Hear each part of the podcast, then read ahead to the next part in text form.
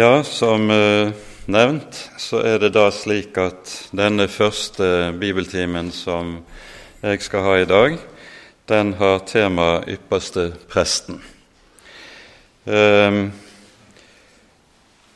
og eh, salmen vi nettopp har sunget, den griper i en kort og meget konsentrert sum hva det er som kjennetegner ypperstepresten. Han er stedfortrederen. Og Derfor er det et ordpar som går igjen gjennom alle disse versene i salmen til Willy Abersnes. Det er 'for meg'. Og Ordene 'for meg' de betyr ikke bare 'for min skyld', men det betyr også 'i mitt sted'. Begge deler ligger i, i uh, dette. Sånn at når vi taler om ypperstepresten, Jesus som vår ypperste prest, så taler vi om ham som vår stedfortreder. Betegnelsen ypperste prest på Jesu person den møter vi utelukkende i Hebreabrevet i Det nye testamentet. Slår du opp i en bibelordbok, så vil du se at det er tale om ypperste prest i overalt ellers i Det nye testamentet, i evangeliene og i apostelgjerningene. Men da er det alltid tenkt på han som er ypperste prest i tempelet i Jerusalem, Kaifas eller Annas. Eh, vi kjenner deres navn fra lidelseshistorien. Det er utelukkende i hebreabrevet at Jesus betegnes med denne tittelen. Og Her hører vi han benevnes som vår ypperste prest hele 17 ganger. Første gang er i slutten av kapittel 2, så ved innledningen av kapittel 3, og så, som vi hørte i går, ved avslutningen av det fjerde kapittelet. Da vi nå har så stor en ypperste prest som er gått gjennom himlene, Jesus, Guds sønn, så la oss holde fast ved bekjennelsen. For vi har ikke en ypperste prest som ikke kan ha medlidenhet med oss i vår skrøpelighet, men en som er prøvet i alt, i likhet med oss, men uten synd. La oss derfor med frimodighet tre frem for nådens trone, for at vi kan få miskunn og finne nåde til hjelp i rette tid. Og Med disse versene så begynner det avsnitt i hebreerbrevet som har nettopp Jesus som vår ypperste prest som hovedtema. Dette begynner da videre i kapittel 5. Så har du et mellomspill i kapittel 6, der vi hører den sterke advarsel mot frafall bli gjentatt, hvorpå det fortsetter i kapittel 7 og delvis også gjennom kapittel 8. Og vi skal eh, ta oss tid til å se på en del av de grunnleggende trekk ved det som sies i disse kapitlene. Før vi imidlertid gjør det, så kan det være viktig å understreke noe som ikke sies eksplisitt i eh, hebreerbrevet. Det er jo sånn at uh, det vi leser i disse kapitlene i uh, hebreerbrevet, det henger sammen med offerlovgivningen i tredje og fjerde Mosebok. Vi må kanskje også nevne andre Moseboks forskrifter for hvorledes tabernakelet skal innredes og se ut, det hører også med i denne sammenhengen. Og Hebreabrevets forfatter forutsetter en viss grad av fortrolighet med offertjenesten og innredningen av tempelet. En fortrolighet som vi ikke uten videre kan forutsette i våre dager.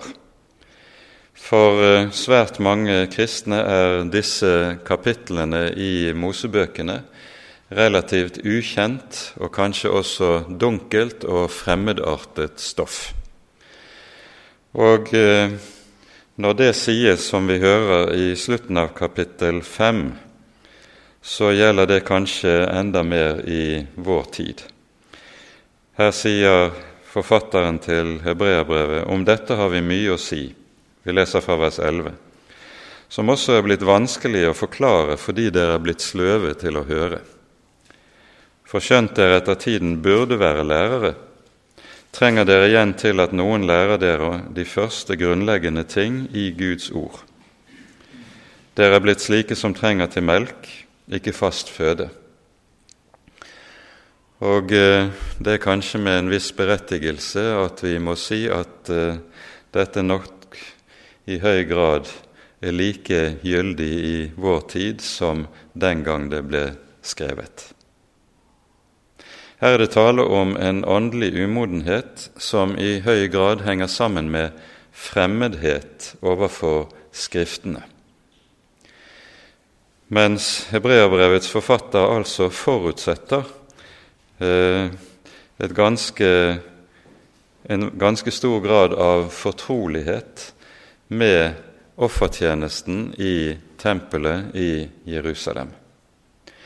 Hebreabrevet er jo skrevet til en gruppe jøder som står i fare for å falle fra troen.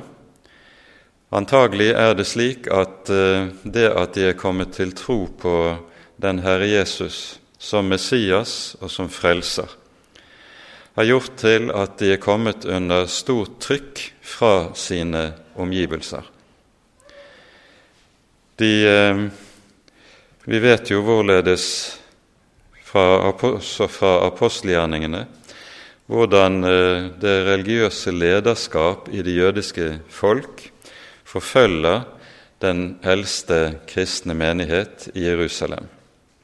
Og Paulus får eh, brev fra de eldste, eller fra Synedrie i Jerusalem med tillatelse til å pågripe de som tror på den Herre Jesus i Damaskus og disse nære områdene i Syria. Så det var trangt for de første kristne, de, som, de jøder som bekjente kristen tro. De var kommet under press, og presset skriver seg nok ikke bare fra folkets lederskap, men helt sikkert også fra familie. Familiebåndene brytes. Og så vil det da bli en fristelse, det å vende tilbake til jødedommen for, å, for ikke å miste familie, ikke miste folkefellesskapet med alt det det innebærer. Så det er faren, det er dette frafallet og faren for dette som hebreabrevet jo adresserer. Det er jøder som er adressater, derfor heter det jo hebreabrevet. Og jøder de har hatt sin gang i tempelet i Jerusalem. De har vært der ved de store høytidene. De har vært vitne til offertjenesten, til hva som er presteskapets kall og oppgave. De har ganske sikkert vært til stede i Jerusalem på den store forsoningsdagen og vært vitne til yppersteprestens tjeneste denne dagen. Det er en dag som likesom samler hele soningstjenestens hemmelighet i én sum. Den vanlige kristne i dag vil ikke ha den samme fortrolighet til tempeltjenesten i Jerusalem. Så derfor noen innledende ord først om ypperstepresten, hvem han var, og hva hans gjerning skulle være. Og Vi innleder med å lese fra kapittel 5. Her sies det fra begynnelsen av. Enhver yppersteprest blir tatt ut blant mennesker og innsatt for mennesker til tjeneste for Gud, for å bære frem gaver og offer for synder. Han kan være medlidende med de uvitende og villfarne, siden også han selv er underlagt skrøpelighet, derfor, og derfor må bære frem syndoffer, ikke bare for folket, men også for seg selv. Parentes bemerket, det som her eh, sies, det peker på det som skjer på den store forsoningsdagen, der det jo bæres frem offer for hele folkets synder, til soning for alt folket. Men før ypperstepresten skal bære frem offer for folkets synder, så må han bære frem offer for sine egne synder. Og Poenget med dette er at det kun er den som er ren, som er renset for synd, som selv kan stå i tjeneste og være den som soner for andres synder. Og Derfor er det slik på den store forsoningsdagen at først ofres det for yppersteprestens synd, deretter for folkets synder. Det er det som omtales altså bare med denne, dette korte vers 3 her i kapittel 5. Så fortsetter det. Ingen tiltar seg selv denne ære, men han blir kalt av Gud, like som Aron. Slik har heller ikke Kristus seg selv den ære å bli ypperste prest, men han som sa til ham, Du er min sønn, jeg har født deg i dag. Likeså sier han også på et annet sted, Du er prest til evig tid etter Melkisedeks vis. Det som her understrekes, det er at denne tjeneste som ypperste prest, den er innstiftet av Gud. Den er ikke et menneskelig påfunn. Vi har en episode i, eh, som omtales i Fjerde Mosebok, der det er noen av levittene som gjør opprør mot Moses og Aron. Vi leser om det i Fjerde Mosebok kapittel 16, der eh, eh, vi hører om Kora, Datan og en flokk som følger disse, som eh, reiser seg mot Moses og Aron og anklager dem for å ha tiltatt seg denne tjenesten i helligdommen eh, for egen fordel, til egen vinning. De hevder med andre ord at eh, Og det ligger jo under anklagen. Den tjenesten som Aron er gått inn i, den er hans eget påfunn. Her understreker hebreerbrevets forfatter dette er et kall som er gitt av Gud, og en tjeneste som er innstiftet av Israels Gud. Det er ikke et menneskepåfunn. Og nettopp av Koras opprør, som omtales i kapittel 16, det går jo ham og hans flokk ille, de rammes av Guds dom, så hører vi i de to påfølgende kapittel, nemlig kapittel 17 og 18 i Fjerde Mosebok, noe som er uhyre betydningsfullt med tanke på å forstå hva yppersteprestens tjeneste dreier seg om. Først i kapittel 17 så, så hører vi at Herren, for å demonstrere for Israels folk sin utvelgelse av Aron, ber hver av lederne for de tolv stammer i folket å komme med hver sin stav. De skal inngravere navnene på stavene sine, legge dem ned for Guds ansikt i det aller helligste i tabernaklet, og så sier Herren, den hvis stav skyter skudd og blomstrer, det er den jeg har utvalgt. Så ble Arons stav en stav som han har vandret med et flere år i ørkenen. En tørr stav. Den er død. Den blir lagt ned for Herrens åsyn. Og Når folket så dagen etterpå får hentet ut de tolv stavene, så hører vi om Arons stav. Den er skudd, friske skudd, blomster og moden frukt. Ved dette demonstrerer Gud hva som er hensikten med utvelgelsen av Aron. Han har utvalgt Aron til ypperste prest for gjennom denne tjeneste å skape liv av døde i Guds folk.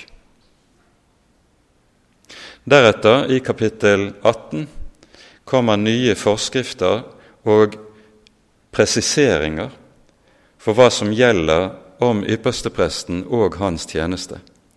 Og I kapittel 18 sies det særlig to viktige ting. For det første sies det i det første verset i kapittelet, da sa Herren til Aron:" Du og dine sønner og din fars hus skal bære skylden for overtredelse mot helligdommen. Altså, det å være ypperste prest, det innebærer å bære skyld og bære synd. Og Der brukes altså preposisjonen 'for'. Det er tale om en stedfortredende tjeneste. Og Akkurat dette poenget gjentas flere ganger her i kapittel 18. Vi behøver ikke lese alle de versene, men ett vers må leses, nemlig det femte verset i det samme kapittelet. Her sies det til Aron.: Dere skal utføre det som skal gjøres ved helligdommen, det som er å utføre ved alteret, for at det ikke mer skal komme vrede over Israels barn. Det er altså tale om at Gud innstifter en stedfortredende gjerning for at det ikke skal komme vrede over Guds folk. Og dette sier de helt sentrale ting om hva som er hensikten med yppersteprestens tjeneste og gjerning. Det er Gud som har innsatt denne tjeneste, det er ikke et menneske påfunn. Og når vi leser i eh, andre og tredje Mosebok forskriftene for helligdommen og offertjenesten, så hører vi hvorledes den hellige så å si i de mest inngående detaljer beskriver hva som skal skje, og hva som skal kjennetegne denne tjeneste. Og så har vi i det tiende kapittel i eh, Tredje Mosebok en beretning om noen som går inn i helligdommen med selvvalgt tjeneste. Altså, de går inn i helligdommen med egne påfunn. Ikke under og i lydighet mot de forskrifter Herren har gitt for den hellige tjeneste. Det er to av Arons sønner, Nadab og Abihu. Det står om dem eh, at de dagen etter at tabernaklet er innviet Og det skjer jo under Guds synlige nærvær og velsignelse. Når tabernaklet innvies, så står det at skyen, den som hadde gått foran folket, en ildstøtte om natten og en skystøtte om dagen, senker seg over helligdommen, fyller helligdommen, så Herrens herlighet fyller helligdommen. Og Herren stadfester og bekrefter med dette at det er Han som har gitt og innstiftet denne tjeneste. Antagelig opptent av religiøs iver og begeistring over alt de har opplevd, så går Nadab og Abihu inn i helligdommen dagen etterpå med fremmed ild, står det. Det er en selvvalgt tjeneste. De går inn i helligdommen i religiøs iver men i en tjeneste som Gud ikke har befalt.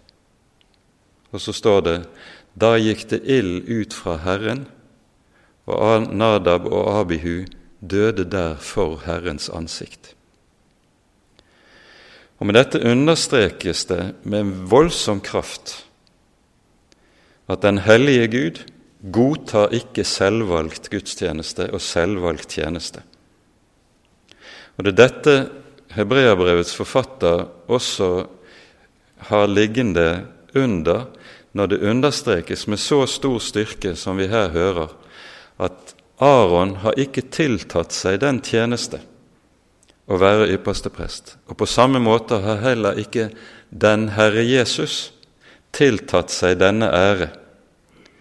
Men det er en ære gitt ham ovenfra av Gud. Det er ikke menneskepåfunn vi her har med å gjøre. Vi leste fra kapittel 18 i Fjerde Mosebok om den stedfortredende rolle som ypperstepresten er satt til å ha. Dette går også igjen i detaljer i yppersteprestens klesdrakt, som nettopp skal understreke hans rolle som stedfortreder. Og Det er særlig to poeng ved yppersteprestens klesdrakt som peker på dette. Yppersteprestens klesdrakt skilte seg fra den vanlige prests klesdrakt ved at den bestod av åtte ulike plagg. Den vanlige prestens klesdrakt bestod av fire. Det var den hvite kjortelen alba, som vi kaller den. Det var belte, det var benklær og så en hue. De var befalt av Gud. Og alle disse plaggene skulle være rent hvite, akkurat som prestedrakten vår er det. Ehm, I tillegg så skulle Aron da ha fire plagg ytterligere utenpå dette. Og det viktige i denne sammenheng, det er at på skuldrene skulle der plasseres, som i signet, to edelstener. Det er oversatt med onyx i våre bibler. Onyx er en helt svart stein. Og på disse to steinene skulle navnene på Israels tolv stammer være inngravert. Seks på den ene, seks på den andre stein. Og Så sies det uttrykkelig i forskriftene for dette i, eh, i Andre Mosebok, kapittel 28. Du skal feste begge steinene på livkjortelens skulderstykker for at de skal minne om Israels barn. Når Aran står for Herrens åsyn, skal han bære deres navn på begge sine skuldre for å minne om dem. Altså Aron trer inn for Guds ansikt og bærer Israels folk på sine skuldre som stedfortreder. Videre var det slik at han skulle ha en brystduk. I denne brystduken var det også festet edelstener. Her er det tolv i tallet, én for hver av Israels tolv stammer. Og her skal også eh, navnene på de tolv stammene være inngravert, ett på hver av stenene. Og så sies det i forskriften for dette Brystruken skal komme til å sitte over livkjortelens belte, slik at den ikke kan skilles fra livkjortelen. Og når Aron går inn i helligdommen, skal han bære navnene på Israels barn i brystduken på sitt hjerte, slik at han alltid skal minne om dem for Herrens åsyn. På ny dette at Aron trer inn som den som representerer, som er stedfortreder, for Israels folk når han står for Guds ansikt.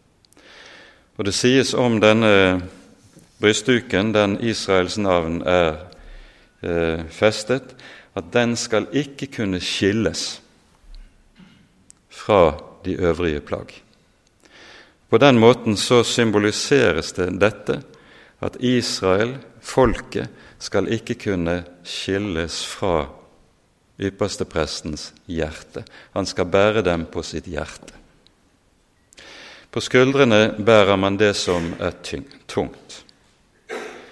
Ypperstepresten skulle bære tyngden av Israels folk. På hjertet bærer du det som ligger deg på hjertet, som barna ligger en mor og en far på sitt hjerte. Slik skulle ypperstepresten bære folket på sitt hjerte. Og slik er det han altså males som forbilde på vår store øverste prest. For Jesus kalles altså her i dette brevet for vår øverste prest. Og det som de forskrifter og lover som ble gitt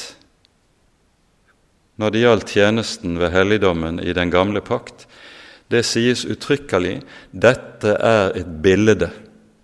Det er en skygge av det som skulle komme, som altså skulle undervise folket om hva som skulle komme, om Han som skulle komme. Så hele tjenesten ved tabernaklet i den gamle pakt, ypperstepresten, hans offergjerning og innretningen i tabernaklet, det er Guds anskuelsesundervisning som skal hjelpe oss til å forstå hva soningens tjeneste dreier seg om. Og Det er altså dette som er tema i Hebreabrevet. Nå hopper vi til det syvende kapitlet. For her fortsetter da undervisningen om eh,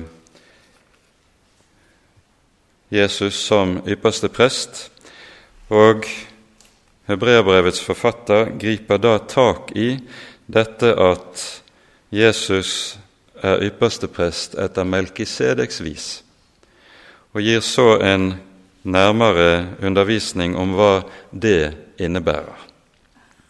Vi leser fra vers 1 i kapittel 7. Denne Melkisedek var konge i Salem og prest for den høyeste Gud. Det var han som gikk Abraham i møte og velsignet ham da han vendte tilbake etter seieren over kongene. Det er han Abraham ga tiende av alt. Han er, når en tyder navnet, for det første er han rettferdighetens konge. Deretter er han også Salems konge, vil si freds konge. Han er uten far og uten mor, uten ettertavle. Hans dager har ingen begynnelse og hans liv ingen ende. Men han er gjort lik med Guds sønn, og han er prest for alltid. Se hvor stor han er, denne som Abraham, patriarken, ga tiende av krigsbyttet. De av Levis sønner som får tjeneste som prester, har etter loven påbud om å ta tiende av folket, vil si av sine brødre, enda disse nedstammer fra Abraham. Men Melkisedek, som ikke er av deres ett, tok tiende av Abraham og velsignet han som hadde fått løftene.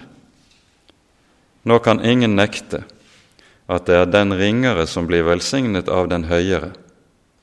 Og her er det dødelige mennesker som tar tiende, men der er det en som får det vitnesbyrd om at han lever. Og så å si:" Gjennom Abraham er også Levi, han som ellers mottar tiende, blir ilagt tiende. For han, altså Levi, var enda i sin fars lend da Melkisedek møtte ham. For en moderne leser så kan dette fortone seg som en ganske merkverdig skriftutleggelse.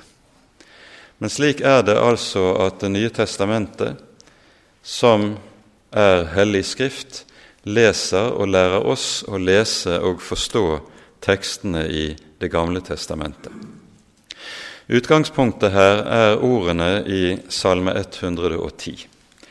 Salme 110 er en av de helt sentrale messianske salmene, en av de salmene som taler om den kommende Messias. Den innledes med ordene Herren sa til min Herre, sett deg ved min høyre hånd, til jeg får lagt dine fiender til skammel for dine føtter.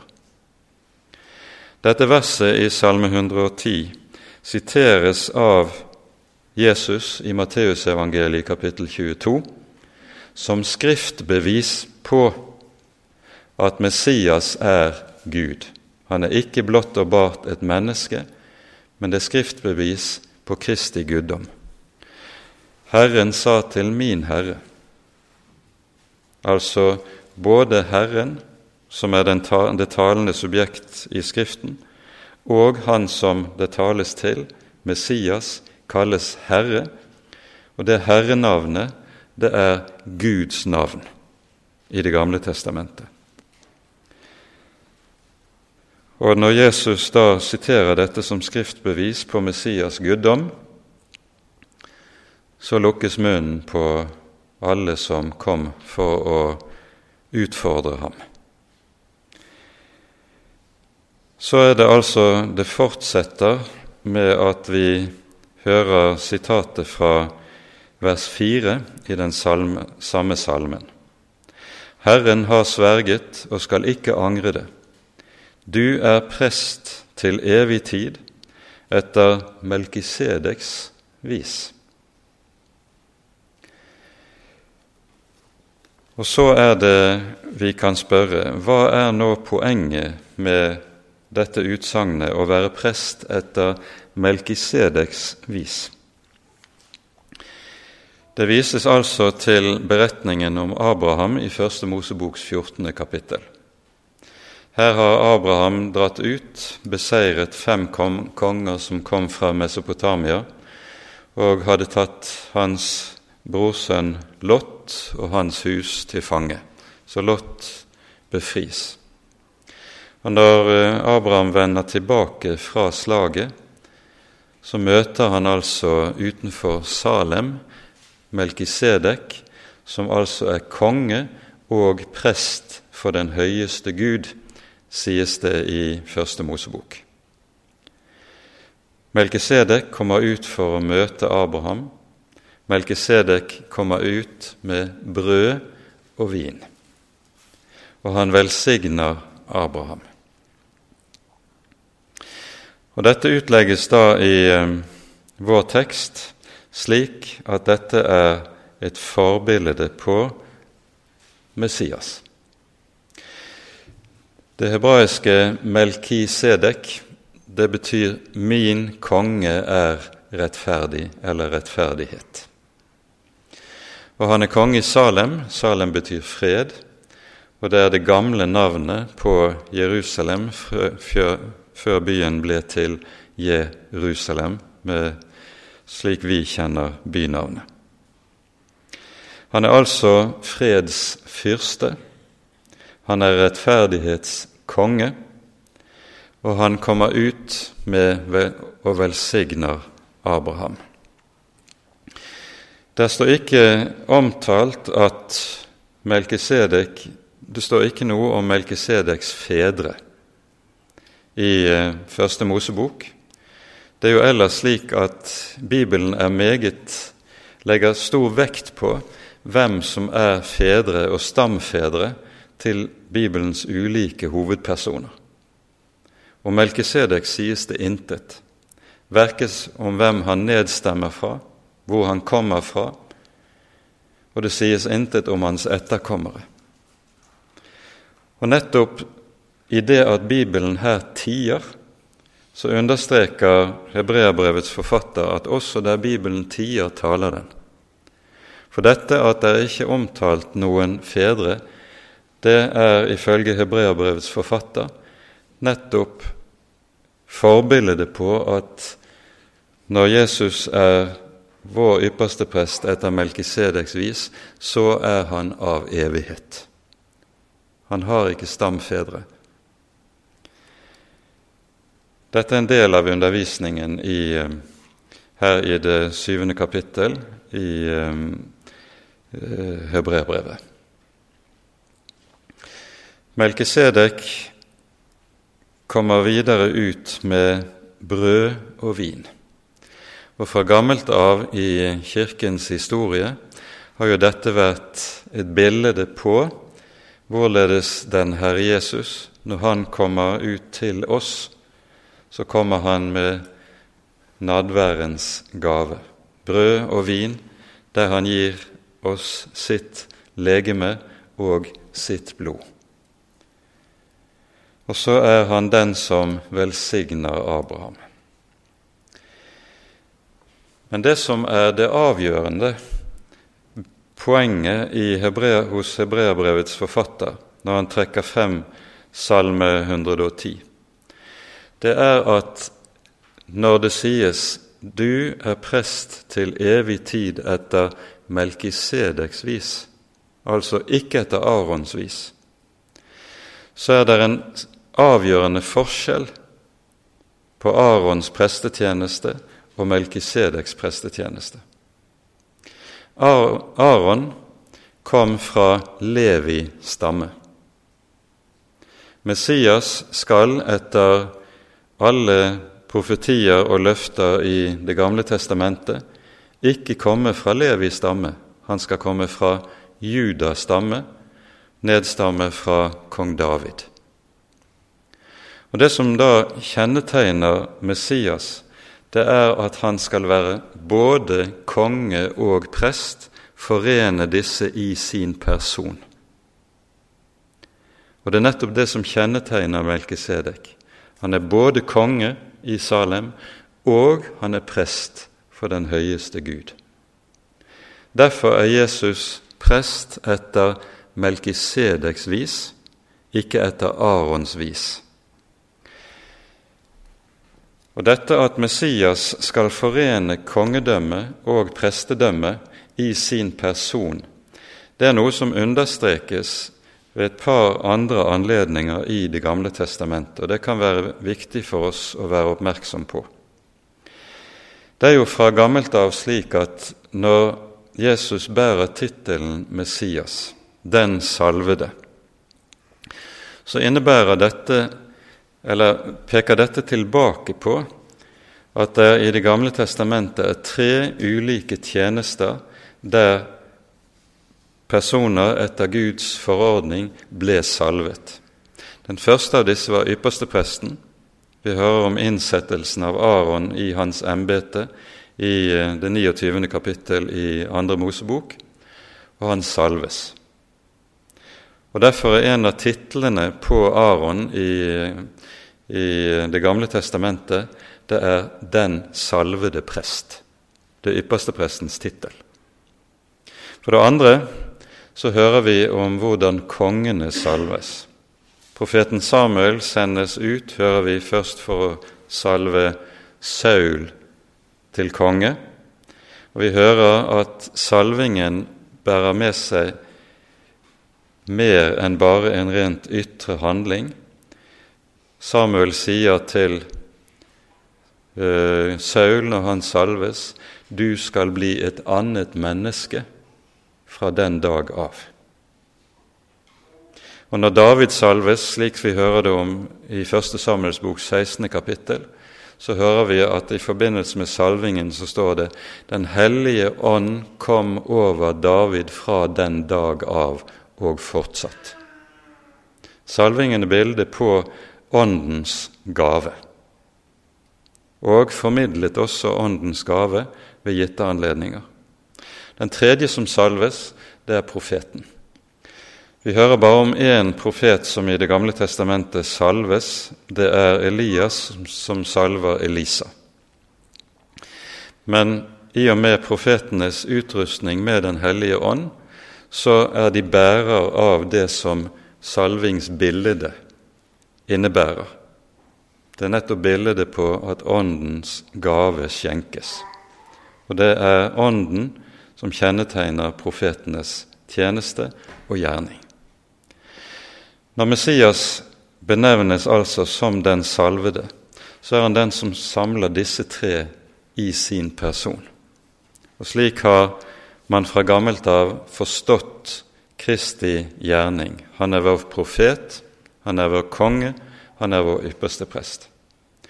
men nettopp at han skal forene det kongelige embetet og det ypperste prestlige embetet i sin person.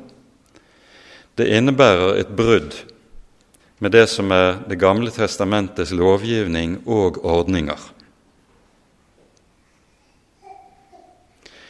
Og eh, dette vender hebreerbrevets forfatter oppmerksomheten imot her i det syvende kapittel. Um,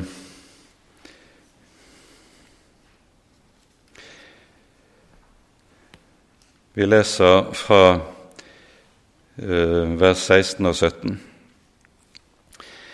Han er blitt prest ikke etter en lov om legemlig avstamning, som det gjaldt for Aron, men ifølge et uforgjengelig livs kraft. Gud har sverget når han satte Messias til å være ypperste prest. Han får jo det vitnesbyrd du er prest til evig tid etter Melkisedeks vis. Et tidligere bud blir altså gjort ugyldig fordi det er svakt og unyttig. Loven førte jo ikke noen til fullkommenhet, men et bedre håp blir ført inn, og ved det kan vi nærme oss Gud. Og Dette skjedde ikke uten ed, for de andre er blitt prester uten ed, men han er blitt det ved ed. Han som sier til ham, Herren sverget. Og han skal ikke angre det. Du er prest til evig tid etter Melkisedeks vis. Derfor er det også en så meget bedre pakt, den som Jesus er blitt borgsmann for. Dette at Jesus altså er ypperste prest etter Melkisedeks vis, det bærer samtidig i seg en avvikling av Det gamle testamentets offertjeneste, med alt hva det innebærer. Hebreabrevet er det sterkeste vitnesbyrd vi har i Det nye testamentet om at det vi kaller for seremonialloven, ikke lenger gjelder, fordi det den er forbildet på, har nådd sin fullkomne oppfyllelse i Kristi person. Han er ypperste presten. Han er den ypperste prest som bærer frem det offer som alle den gamle pakts offer bare er en skygge av og forbilde på. Det fullkomne offer som alt bare peker frem imot. Og når oppfyllelsen er kommet, så trengs ikke forbildet lenger. Så trengs ikke den gamle pakts tjeneste lenger. Og dette avvikles. Det er en, eh, et underlig fotspor av noe av dette i eh, jødiske skrifter fra denne tid. Ehm, tempelet i Jerusalem ble jo ødelagt da romerne inntok Jerusalem i år 70. Titus setter fyr på tempelet, og det blir ikke sten tilbake på sten av helligdommen. 40 år før tempelet blir ødelagt, så berettes det, og det står hele fire forskjellige steder i Talmud, at 40 år før tempelet ble ødelagt, så åpnet tempelets dører seg av seg selv. Og en av datidens største rabbinere bryter ut dette er en profeti om tempelets ødeleggelse. 40 år før tempelets ødeleggelse, det er år 30. Dette er Vår Herres Jesu dødsår. Det skjer altså antagelig samtidig med at forhenget i helligdommen revner på langfredag. Og så er det noen av de rabbinske lærde som altså ser for seg nå skal også det andre tempel jevnes med jorden. Og Dette skjer fordi vår ypperste prest har fullbyrdet sin gjerning på korset. Korset er hans alter. Og denne tjeneste som ypperste prest, den avsluttes ikke på korset. Det er en tjeneste som fortsetter når vår Herre Jesus setter seg ved Faderens høyre hånd. Og Her skal vi legge merke til verbet. Om alle prester i, eh, som er i tjeneste i helligdommen, gjelder det at disse sto. Prestene sto. Det var ikke sitteplasser i tempelet i Jerusalem. Alle skulle stå. I age, i frykt og respekt for den hellige Gud, for hvis ansikt man sto. Jesus er ypperstepresten, som har fullbyrdet det fullkomne offer. Om han står det at han setter seg. Vi leser fra slutten av kapittel 7, fra vers 24. Men han har et prestedømme som ikke kan forandres, fordi han blir til evig tid. Derfor kan han også fullkomment frelse dem som kommer til Gud ved ham, da han alltid lever for å gå i forbønn for dem. For en slik ypperste prest var det vi måtte ha, hellig, uskyldig, ren, skilt fra syndere og opphøyet over himlene. Så sitter han ved Faderens høyre hånd. Der fortsetter han sin tjeneste, en tjeneste der han er din og min forbeder. I eh, første Johannes brev kalles denne forbedertjenesten for at han er din og min talsmann. Og Når han fullkomment kan frelse Legg merke til hvilke sterke uttrykk som her brukes. Det er ikke en frelse som er delvis, som er halv, som du og jeg må hjelpe til med for at den skal bli fullstendig. Den er fullkommen. Når den er fullkommen, så henger det sammen med at det, med det som sies i 1.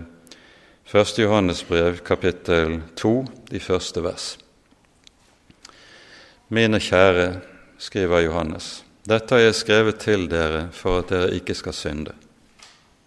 Men om noen synder, da har vi en talsmann hos Faderen, Jesus Kristus, den rettferdige, og han er en soning for våre synder.